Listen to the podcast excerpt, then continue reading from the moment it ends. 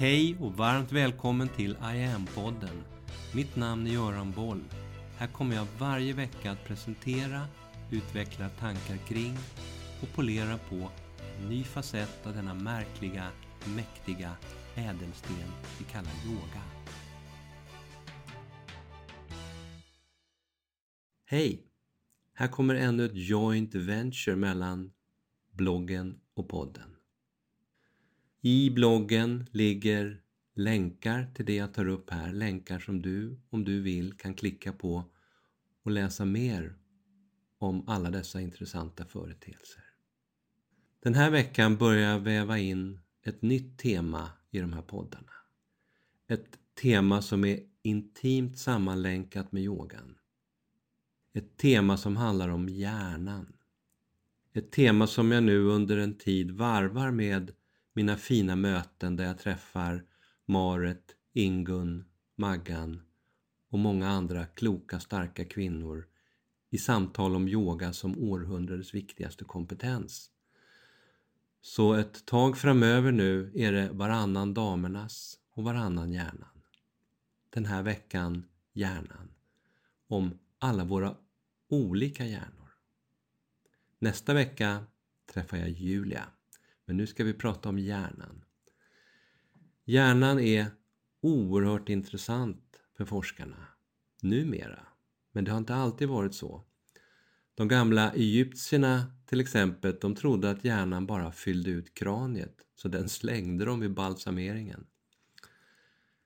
Det är under de senaste 300 åren som hjärnans olika funktioner har undersökts och bevisats vetenskapligt. Enligt Hjärnfonden så är hela 90% av allt det vi vet om hjärnan idag sånt som vi lärt oss nu, bara de senaste årtiondena. Men trots att hjärnan idag är ett av de mest studerade organen i kroppen så har vi långt ifrån upptäckt allt om hur den fungerar. Yogan har ju sitt eget perspektiv på kroppen och hjärnan och yogiskt sett så länkas dina översta tre chakran, inte minst pannchakra och kronchakra, till skallen och hjärnan. Och vi säger ju hjärnan i singularis. Men forskningsmässigt så har vi en hel massa hjärnor. Enbart i huvudet har vi tre stycken rätt så olika hjärnor. Först ut är reptilhjärnan den består av ryggmärg och lillhjärna. Det är vår äldsta, mest primitiva hjärna, eller delar av hela hjärnan, nu hur du nu vill uttrycka det. Reptilhjärnan är flera hundra miljoner år gammal. Och här handlar det avskalat om nyansfri överlevnad. Vän eller fiende. Kamp eller flykt. Käka upp eller ha sex med många livsnödvändiga och automatiska funktioner som till exempel blodtryck, andning, kroppstemperatur och vakenhet styrs direkt härifrån. Besluten tas instinktivt, blixtsnabbt. Kommer ett hungrigt lejon springande åt mitt håll så finns det ingen tid för reflektion. Det är bara kamp eller flykt, ren överlevnad. Den stress som vi upplever idag gör oss mer instinktstyrda. Och ju mer stress vi upplever, desto mer förskjuts beslutsfattande och styrning inom oss till just reptilhjärnans uråldriga handlingsprogram för att överleva. Den andra hjärnan, det limbiska systemet, det är 40 till 50 miljoner år gammalt härstammar från den tid när reptilerna kravlade sig upp ur havet och utvecklades till fåglar. Den kallas därför ibland just också fågelhjärnan. Luktsinne, minne och inlärning styrs härifrån. Här finns även många hormonellt styrda funktioner, sexualiteten, fruktan, vrede med flera. Den kallas därför ibland också känslohjärnan. Numera har forskarna börjat inkludera andra strukturer och funktioner. Man tror exempelvis att även motivation, inlärning och minne påverkas härifrån. Och de säger att vi därför behöver gå bortom bilden av det limbiska systemet som enbart en emotionell hjärna. Det limbiska systemet består av hypotalamus, som är en liten struktur med många kärnor och fibrer viktiga för överlevnad. Den har ansvar för det autonoma nervsystemet och det endokrina systemet, det vill säga hormonkörtlarna. Sen har vi hippocampus, en av hjärnans äldsta delar, formad som en liten sjöhäst, sitter fram till hjärnan vid tinningsloben. Den har en viktig roll för reglering av grundläggande överlevnadsprocesser. Den får minnet att fungera och påverkar inlärning av nya saker. Varje händelse som vi genomgått eller känt filtreras genom hippocampus. Den får oss att minnas och hur det kändes. Amygdala, kaptenen över våra känslor, är den del av den djupa hjärnan där grundläggande känslor och överlevnadsinstinkter finns. Den integrerar känslor med fysiologisk och beteendemässig respons och kan exempelvis associera ångest och negativa känslor med mat, sömn eller sexuellt beteende. Forskarna är inte alltid överens om det komplexa limbiska systemets fulla sammansättning. En del forskare inkluderar andra delar, exempelvis något som kallas för gördelvindlingen, som associeras med lukt och smärtminne. Och så prefrontala cortex, den rationella delen av hjärnan, den som skiljer oss från djuren, vars jobb bland annat är att hejda och kontrollera olika emotionella impulser. Och sen har vi den tredje hjärnan, neocortex. Neo är ny, så neocortex betyder den nya barken. Det är vår Homo sapiens-hjärna. Det är den yttersta delen av hjärnan. Och den är max två miljoner år gammal. Rena barnungen jämfört med de andra. Den är uppbyggd av sex olika lager. Här finns de högst utvecklade typerna av hjärnceller, neuroner. Härifrån styrs merparten av vårt tänkande, talförmåga och logik. Dess cirka 100 miljarder nervceller skickar signaler mellan varandra med en hastighet av 300 kilometer i timmen. Det är rena Formel 1-cirkusen i neocortex. Trots att det bara är 5 mm tjockt så utgör neocortex på grund av sin veckade struktur upp mot 80 procent av hjärnans vikt. Varje enskild cell har upp mot 10 tusen kopplingar eller synapser. Totalt sett så har alla de här nervtrådarna, om man lägger dem efter varandra, en total längd på 10 000 mil. Ja, 10 000 mil. Det räcker mer än två varv runt jorden. Det har du i huvudet. Här uppfattas och tolkas sensorisk information, här sker det abstrakta tänkandet, olika logiska processer. Olika nervcentra här ser till att musklernas rörelser blir exakta och precisa. Exempelvis i fingrarna. Vilket både kirurger och klockmakare har stor nytta utav. Via våra olika sinnen så tar vi in enorma mängder data, upp mot 11 miljoner informationsbitar i sekunden. Men kognitivt via det som man kallar riktad uppmärksamhet så förmår vi medvetet hantera kanske bara 50 till 100 av de där 11 miljoner informationsbitarna. Resten går rätt in i och hanteras av det undermedvetna. Så, det var hjärnorna i skallen. Nu kommer vi till resten av våra hjärnor. För man pratar också om att vi inte bara har tre hjärnor i knoppen. Vi har totalt tre hjärnor i hela kroppen. Vi har den vi har i huvudet och sen har vi en i hjärtat och en i magen. Vi säger ju till exempelvis lita på magkänslan eller lyssna till hjärtat. Hjärnan uppe i huvudet pratar med kroppen via det centrala nervsystemet, det vill säga ryggmärgen, där det går ut en massa nervpar, 31 stycken tror jag det var, från ryggmärgen ut till alla delar i kroppen. Kroppen svarar via bland annat vagusnerven som är en av de tolv kraniella nerverna. Vagusnerven pratar med hjärnan om läget bland kroppens olika organ. Man säger att minst 80% av vagusnervens trådar förmedlar information från det enteriska systemet, bukhjärnan eller hjärnan i magen och från nervcellerna i hjärtat, hjärnan i bröstkorgen, upp till hjärnan i huvudet. Så man kan säga att vagusnerven connectar de tre hjärnorna magen, hjärtat och huvudet.